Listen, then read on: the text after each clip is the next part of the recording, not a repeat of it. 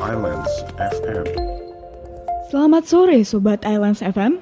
Saat ini 30 Mei 2021 saya sedang berada di Darmo Trade Center Wonokromo.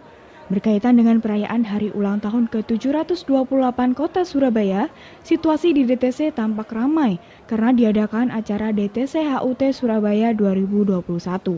Acara ini dilaksanakan mulai tanggal 24 Mei hingga 6 Juni di lantai 1 dan 4 DTC.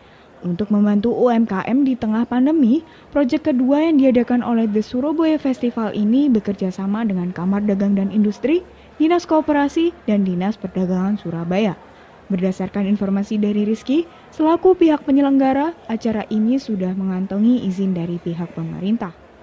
Kemarin sudah sempat kita undang ya kan harus ada survei dulu di lokasi eh, satuan tugas juga dan harus itu memang harus mengundang dinas koperasi dan dinas Disperindak dan beberapa departemen lainnya gitu Demi mencegah timbulnya kerumunan, protokol kesehatan diterapkan mulai wajib masker hingga mengatur jarak antar tenan sekitar 1 meter. Jumlah pengunjung yang memasuki tenan juga dibatasi maksimal dua orang.